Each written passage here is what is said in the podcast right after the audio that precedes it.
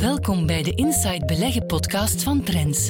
Met elke woensdag een blik op de economische actualiteit en uw beleggingen door Danny Reewegs, directeur analyse en strategie van Inside Beleggen. Deze podcast kwam tot stand met de gewaardeerde steun van Keytrade Bank, de onbetwistbare marktleider in online trading in België.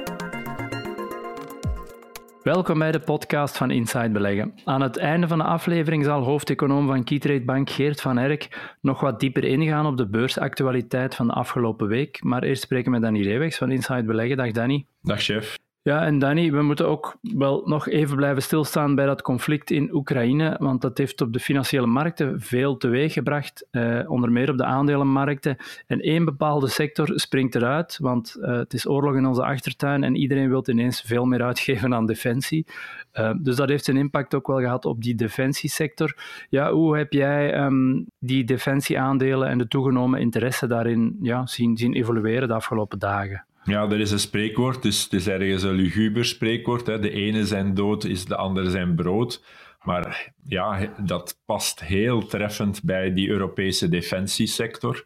Dat was sinds eh, het val van het ijzeren gordijn, zo drie decennia geleden, was het ja, mode om als overheid in West-Europa om te schrappen in defensieuitgaven. Was er een probleem met de begroting? Het was het eerste waarop beknibbeld werd. En uh, nu natuurlijk ervaart Europa dat men op dat vlak te ver gegaan is. Dat ook Rusland mee heeft doen evolueren naar die agressieve houding, met tot gevolg nu de oorlog met, met Oekraïne. En dus de bevestiging voor Europa dat ze terug meer inspanningen moeten doen op vlak van defensie. En Duitsland heeft daar absoluut het voortouw genomen met de beslissing om deze, dit jaar nog 100 miljard euro extra te gaan uitgeven aan de modernisering van het eigen uh, leger. En dan ook te gaan, wat al lang de ambitie was binnen de, de NAVO, om 2% van de BBP te besteden aan defensie. Nu, de meeste Europese landen, ook Duitsland, zaten daaronder. Duitsland zat ongeveer op 1,5%, België maar op ongeveer de helft, 1,1% van wat eigenlijk gevraagd was. En Duitsland zegt, wij gaan structureel nu naar die minstens 2%. En ja, de rest zal op dat vlak in Europa moeten volgen. En dat is dus echt wel een gamechanger voor die defensieindustrie in Europa, die jarenlang ja, minder en minder orders kreeg en nu toch wel ja, heel wat meer orders van Europese overheden mag verwachten. Ja, het is heel recent nieuws. Um, hoe hebben die defensieaandelen uh, op die nieuwe voornemens van de EU-lidstaten gereageerd? Ja, heel spectaculair, zoals je mag uh, verwachten. Als er zo'n belangrijke ommekeer is, hebben we daar tientallen procent uh, stijging gezien minstens 30%, maar soms ook 60, 70, 80 uh, procent. We spreken dan over onder meer het Duitse Rheinmetall, de Franse aandelen Dassault Aviation en Thales, het mhm. Britse mm -hmm. BAE Systems, het Italiaanse Leonardo-aandelen waar beleggers meestal weinig naar keken of helemaal niet en die nu plots helemaal aan herontdekking toe zijn en dus ja, massaal gekocht zijn de voorbije dagen door Europese investeerders. Nu, voor beleggers uh, die denken ik wil er een graantje van meepikken, is het al te laat volgens jou om daar nog blootstelling aan te nemen? Of hoe moeten ze met die sector omgaan de komende periode? Ja, je ziet altijd als er een belangrijke ommekeer is dat dat overschat wordt op korte termijn. Met, met name dus dat die aandelen in eerste instantie veel te hard gaan stijgen. Dat was eigenlijk met die vergroening, hè, de, de klimaatverandering, dat vorig jaar zo'n thema en dan wordt dat een hype. Iedereen springt daar maar op en koopt zonder eigenlijk nog naar waarderingen te kijken en niet te beseffen, ja, oké, dat is een intentieverklaring, maar dat moet nog allemaal uitgevoerd worden. Die orders moeten nog komen, die moeten nog uitgevoerd Dus eer je dat in die cijfers van die defensiebedrijven gaat zien, ja, dan zijn we wellicht toch, uh, toch eerder al in 23 en volgende jaren. En dus niet onmiddellijk. Dus wie nu vandaag daar nog achter loopt, die zal denk ik ontgoocheld zijn over de, het rendement dat hij erop haalt op 6 tot 12 maanden. Maar traditioneel, dit is echt een structureel ommekeer. Onderschat de markt nog het potentieel daarvan op lange termijn. Want dit is echt een ommekeer. Ook als de oorlog uh, in Oekraïne uh, morgen bij wijze van spreken voorbij is, ja, dan dat, dat gaat jaren en jaren blijven hangen. Europa, Duitsland en de andere Europese landen schrikken hier echt heel hard. En er is nu een consensus, ook bij de bevolking, ja, wij moeten ons herbewapenen, wij moeten onze buitengrenzen veel beter gaan beschermen, want je weet nooit wat de volgende stap van een land als Rusland, van een dictator kan, uh, kan zijn. Dus als je vandaag koopt, dan ga je waarschijnlijk op vijf of tien jaar daar wel nog een heel mooi rendement uh, van maken. Maar het beste is om nu dat even te laten liggen, dat wel in de gaten te houden en te kijken, eh, eens dat de oorlog voorbij is, maar dat gaat blijven en die aandelen wat terugvallen, om ze dan op te pikken als lange termijn investering. Ja, even op de handjes blijven zitten dus. Ja. Um, als aandeel van de week, en we zullen er deze week ook uh, twee bespreken met het drukke resultatenseizoen. Het eerste daarvan is de Belgische bierbrouwer AB InBev, dat zoals vele bedrijven met uh, jaarresultaten zijn gekomen. Wat waren daar voor jou de hoofdpunten uit? Ja, we hebben toch gezien, hè, na een heel moeilijk jaar 2020, hè, met uh, sluiting van de horeca en restaurants, het gebrek aan uh, sportwedstrijden, het gebrek aan grote festivals, allemaal activiteiten waar meer dan gemiddeld bierverbruik is, ja, dat die waren weggevallen, dat we dan toch dat volumeherstel hebben gezien. Ook al was het zeker nog niet een ideaal 2021, waar nog heel veel beperkingen. Horeca is ook nog regelmatig uh, dicht geweest. Qua evenementen was het ook absoluut niet wat het normaal zou geweest zijn. Maar we zagen bijvoorbeeld toch in het vierde kwartaal 3,6% volumegroei, terwijl er maar 2% verwacht was. En over gans 2021 toch een kleine 10% stijging van volumes. En dat was toch telkens beter dan verwacht. Dus op dat vlak heeft uh, AB InBev in 2021 ook in het laatste trimester aan de verwachtingen kunnen voldoen en zelfs wat beter gepresteerd. Ja, en wat hebben de, de omzetten en de bedrijfskasstroom gedaan? Zijn die de goede richting uitgegaan vorig jaar? Ja, uh, dat moeten we altijd opsplitsen tegenwoordig. Dus omzet is inderdaad nog uh, mooi gestegen en beter dan, uh, dan verwacht. Maar om die omzetgroei te realiseren, moet AB InBev wel op zijn torenhoge marge inleveren. Dus de, de tijd dat we een EBITDA-marge, dus bedrijfskaststroom gedeeld door de omzet, zagen in de buurt van 40% of een hoge dertiger. Ja, dat is toch ergens een midden-dertiger geworden. Ja, dus ook over gans 2021 zien we toch een verdere daling ten opzichte van 2020. En dat was al een duidelijk lagere marge dan 2019. We zitten daar nu rond, uh, midden, rond 35 procent. Als je dat vergelijkt met de sectorgenoten, ja, dan hebben die nog altijd alle reden om daar jaloers over te zijn. Maar bij AB InBev heeft het toch hoger gelegen in het verleden en dat is voorlopig niet meer haalbaar. En balansmatig uh, is de schuldgraad altijd wel een werkpunt geweest bij ABM. Vooral sinds de overname van SAP Miller. Zijn er daar um, belangrijke verbeteringen in geweest het afgelopen jaar? Ja, er is een daling geweest van de netto schuld hè, van 82,7 naar 76,2 miljard dollar. En dat heeft ertoe geleid dat uh, de schuldgraad, dus de netto financiële schuld door de bedrijfskaststroom gedeeld, dat die gezakt is nu onder de 4, maar dat moet verder naar beneden. Objectief is daar te gaan tot, tot drie. En dat moet ja, toch de eerstvolgende jaren gebeuren. Uh, maar er is dus nog werk aan de winkel. Het gaat in de goede richting. Het, het mag wat sneller gaan. Maar er, ja, het moet nog verder dalen om echt uh, de markten helemaal gerust te kunnen maken op dat vlak. Ja, en zoals je zei, corona heeft er zwaar op ingehakt. Het begint nu wel stilaan uh, verteerd te raken bij de bierbrouwer. Uh, definitief, denk je? En los daarvan, heb je nog bepaalde vooruitzichten voor het aandeel voor de komende jaren? Ja, AB InBev zelf heeft vooropgesteld hè, dit jaar 4 à 8 procent groei van de EBITDA, van de bedrijfskaststroom, dat leek op het eerste zicht ja, niet zo hoog gegrepen. Dat is een beetje de lange termijn doelstelling, maar we zitten toch 2022 hopelijk in een jaar dat die, die coronacrisis veel minder impact zal hebben dan, uh, dan de voorgaande jaren. Maar natuurlijk, ondertussen zitten we met, het, met de oorlog in Oekraïne. Oekraïne en Rusland zijn twee uh, belangrijke landen op vlak van graanproductie. Zelfs ja, een beetje de graanschuur van, van de wereld, of zeker van Europa. Dus er is toch wel nu een negatieve impact door een forse stijging. Bijvoorbeeld de tarweprijs is al 50% uh, eh, gestegen dit jaar, of zelfs meer. En dat gaat natuurlijk wel wat vreten aan de marges. Dus de omzetgroei zal wellicht wel hoger zijn voor AB InBev, maar de de marge, ja, die zal het toch moeilijk krijgen door deze extra stijging van, uh, van die graanprijzen, wat toch natuurlijk altijd een basisproduct is uh, bij het brouwen van bier.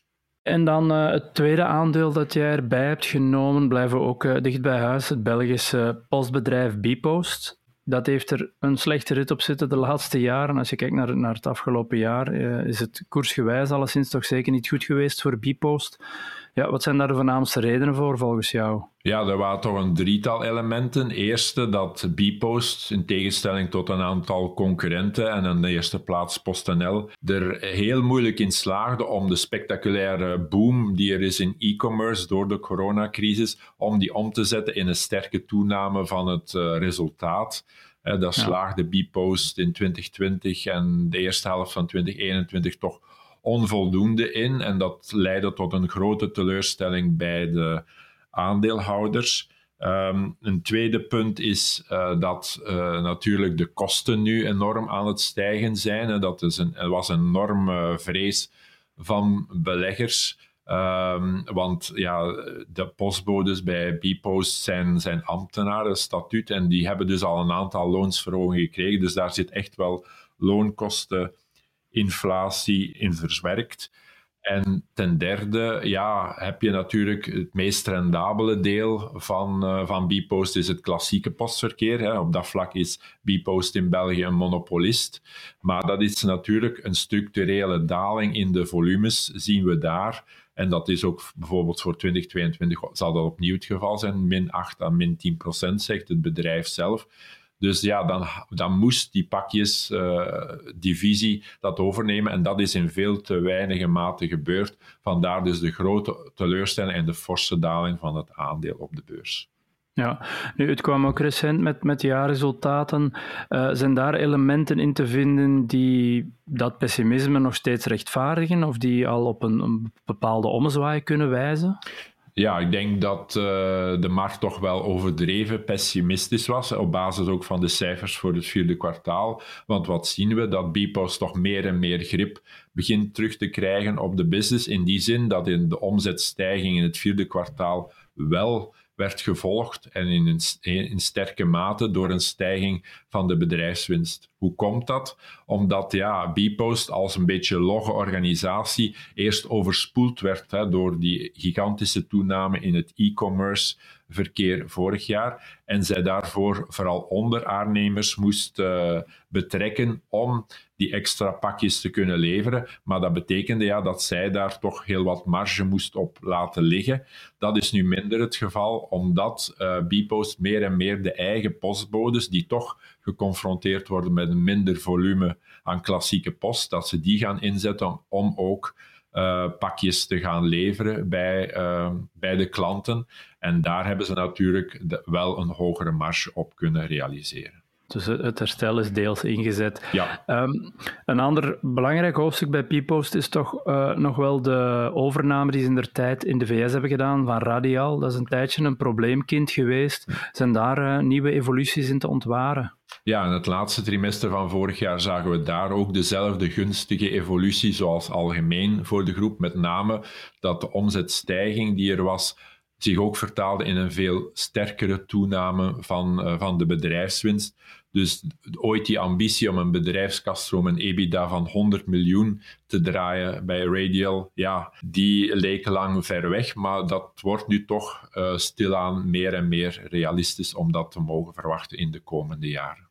Dus ja, eigenlijk gaat het uh, min of meer de goede richting uit met, met het aandeel. We moeten nog met twee woorden spreken ja. natuurlijk, maar als je kijkt naar de koersniveaus van, van dit moment uh, en waardering en dergelijke, ja, wat is jouw inschatting van, van het aandeel en wat um, zou het eventueel nog in petto kunnen hebben voor, de komende, voor het komende jaar en de komende jaren? Ja, als we kijken naar de beurskoers, dan kunnen we niet anders dan concluderen dat er toch nog altijd heel veel argwaan zit. Dat het aandeel echt nog op de zwarte lijst staat, bij wijze van spreken, bij beleggers. Ze zijn blijkbaar te veel teleurgesteld de voorbije jaren om het aandeel nu al te kunnen oppikken naar één beter kwartaal. Natuurlijk, 2022 wordt uitdagend. Waarom? Omwille ja, van die kosteninflatie, hè, die... Uh, die kan men maar gedeeltelijk doorrekenen, bijvoorbeeld omdat hier de volumedaling is structureel in de klassieke post. Hè. Dat zal maar voor de helft worden opgevangen door prijsstijgingen. En dan ook het, pakjesvolume. Hè. De coronacrisis is nu meer achter de rug. Dus zal sowieso daar de omzetstijging minder groot zijn. En die wordt extra onder druk gezet uh, die groei door het feit dat Amazon, een heel belangrijke klant van Bpost in België, ja, dat die er meer en meer voor kiezen om zelf hun pakjes te, te gaan leveren bij de, de klanten. Dus dat zal sowieso een lager volume worden in 2022. Dus de omzetgroei moet dan komen uit het buitenland. En dan denken we bijvoorbeeld aan, uh, aan de Verenigde Staten. Dus ja, algemeen zal het wat minder zijn. Maar ja, aan zes keer uh, de winst wordt uh, Bpost aandeel nu gewaardeerd. Ja, dat is toch echt wel extreem laag. Ja, oké. Dus profiteren van het extreme pessimisme van de rest is de boodschap. Jij bent heel hard bedankt voor jouw tijd en inzichten deze week en graag tot volgende week. Tot volgende week. Dag. We luisteren nu naar Geert van Herk, Chief Economist van Keytrade Bank, met zijn analyse op een aspect van de economische actualiteit. Hallo iedereen en welkom bij onze wekelijkse update. Ja, het zal u niet verbazen dat we ook in deze podcast weerom stilstaan bij de actualiteit op de financiële markten. Want de beursdaling zet zich nog altijd verder. Vorige week ja, heeft Europa toch een beetje het voortouw genomen in de daling. Sterke daling van Europese beurzen, terwijl het op de Amerikaanse markt toch iets rustiger bleef. We ook wel lager, maar als je de S&P 500 met de MSCI Europe of de Stoxx Europe 600 vergelijkt, dan zie je toch wel dat de Europese indexen veel sterker gedaald zijn dan de Amerikaanse indices. Goed, en dat brengt ons natuurlijk ook bij de vraag, ja, gaan we nu echt van een correctie naar een berenmarkt? Het is toch een vraag die heel wat uh, beheerders, fondsenbeheerders, economisten, analisten, ja, individuele beleggers zich allemaal stellen. Hè. Want tot op heden, denk ik, kunnen we deze daling op de internationale beurs nog altijd beschouwen als een, een correctie in een stijgende trend. Uh, en nog niet als een bear market, hè, of een berenmarkt, een, een echt dalende markt, een trend om een keer van wat we de afgelopen jaren gezien hebben op de internationale beurzen. Ik denk, voordat we echt naar een berenmarkt zouden gaan, dat ook het economisch groeiperspectief moet afnemen. En van dat front krijgen we eigenlijk nog geen verontrustende uh, signalen. Voor wat betreft ja, de visie of de, een, een, beeld te hebben van de economische conjunctuur, kijk je toch vooral naar het, het maandelijkse uh, producentenvertrouwen. Dat is een indicator die gepubliceerd wordt door Market. Dus uh, de JP Morgan Global PMI, zoals, het, zoals de indicator heet, die het internationale producentenvertrouwen meet. We zien daar tot op heden nog, nog geen enkele of, of een forse verslechtering van dat uh, internationale ondernemersvertrouwen. Dus uh, op het economisch front toch nog niet uh, direct een signaal om, om, een recessie of een zware groeivertraging te gaan verwachten. Ja, een groeivertraging die dan natuurlijk ook zal ineten op de bedrijfswinsten en op de bedrijfsmarges. Ik denk toch dat we toch voorzichtig moeten blijven want we zien natuurlijk ook ja, dat die energieprijzen, die grondstoffenprijzen, ja, zowel voor uh, ja, aardolie, aardgas, koper, nikkel, aluminium, maar ook landbouwgrondstoffen toch uh, fors de hoogte ingaan. En dat zal ongetwijfeld ook bij de consument uh, aankomen. Dus de prijzen ja, in de winkels zullen ook hoger gaan liggen. En dat gaat dan natuurlijk een grote hap nemen uit het, uit het gezinsbudget, uit het budget van, uh, van de particuliere consumenten. En natuurlijk, als dan uh, de consumptie teruggeschroefd wordt door de consumenten, ja, dan kunnen we denk ik toch wel gaan verwachten dat de economische groei ook op een lager pijl zal terugvallen.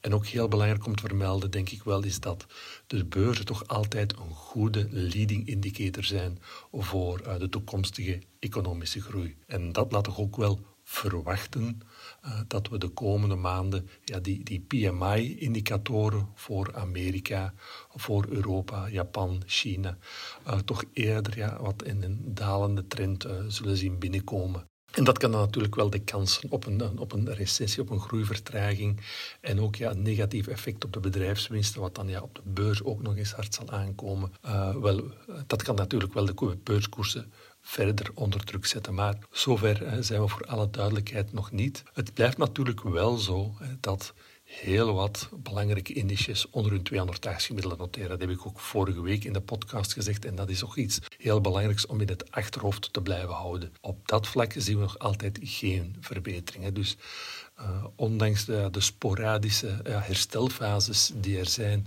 uh, op de beurzen, blijven heel wat toonaangevende indexen nog altijd onder dat 200-daags gemiddelde noteren. Wat toch een aanduiding is om in een portefeuille samenstelling wat defensiever te zijn, wat meer cash achter de hand te houden. Want ja, de opportuniteiten nemen natuurlijk uh, nu wel fors toe. Als je kijkt naar onze Bel 20, sommige aandelen, zoals ja, de KBC bijvoorbeeld, ja, zijn toch zwaar onderuit gegaan ook Melexis, uh, eigenlijk ja, wel gezonde bedrijven die tijdelijk uh, onder druk staan uh, door de internationale crisis. En die natuurlijk ook het potentieel in zicht hebben om fors op te veren als er een, een gunstig nieuws zou komen uit, uit het Russisch-Oekraïense conflict. We blijven natuurlijk ook ja, vasthouden aan die cyclische aandelen. denk maar aan Solvay Umicore Aperam, dat hebben we in het verleden ook al vaak opgerakeld. Dat blijven ook toch, uh, wat mij betreft, uh, favoriete aandelen om een toekomstig herstel uh, te gaan bespelen valt wel op dat Umicore de laatste tijd ja, toch redelijk resistent is. Uh, natuurlijk, ja, de afgelopen zes tot negen maanden waren absoluut niet gunstig uh, voor Umicore. Maar in de huidige crisis lijkt het aandeel toch ja, een beetje stand te houden. Wat natuurlijk ook te wijten is ja, aan de hoge prijzen voor goud en andere edelmetalen die het bedrijf in Hoboken recycleert uit afgedankt uh, elektromateriaal. Goed, dus nog altijd denk ik een, een correctie binnen een stijgende trend. Uh, het is nog geen echte bear market. We zien ook hè, dat het pessimisme op dit moment ja, zeer hoge toppen scheert. Ja, een, een, een, indicator eh, die je af en toe eens kan bekijken is de CNN Fear and Greed Index. Ja, die staat uh, op niveaus van rond de 10, 15 punten, wat eigenlijk op een zeer sterk pessimisme wijst. En dat hebben we ook al vaker gezegd, het emotionele aspect. Als we zien dat de stemming onder beleggers heel pessimistisch is, ja, dan neemt de kans op een herstel of een, op een uitbodemingsfase toch fors toe. Dus de conclusie van deze podcast is dat we ja, er nog altijd niet van overtuigd zijn dat we al in een, in een bear market of in een berenmarkt zitten. We hebben in het verleden al aangegeven, ja, de koersen noteren onder het 200 daags gemiddelde. Dus dat is, dat is wel een eerste signaal om toch wat uh, voorzichtiger te blijven, om cash achter de hand te houden. En die cash ja, die hopen we toch binnenkort aan het werk te zetten in kwaliteitsvolle bedrijven die sterk teruggevallen zijn. Enerzijds ja, blijf ik toch die cyclische namen als Umicar, Solvay en Aperam naar voren. En daar komt natuurlijk ook nog bij ja, de banken hè, die, die momenteel wat lijden, omdat, ja, omdat toch beleggers uh, ervan uitgaan dat er hier en daar toch misschien enkele slechte kredieten of slechte Russisch gelinkte kredieten op de balans staan, uh, waardoor bijvoorbeeld een aandeel als KBC zwaar onderuit gegaan is. Alvast dank voor uw aandacht en tot volgende week.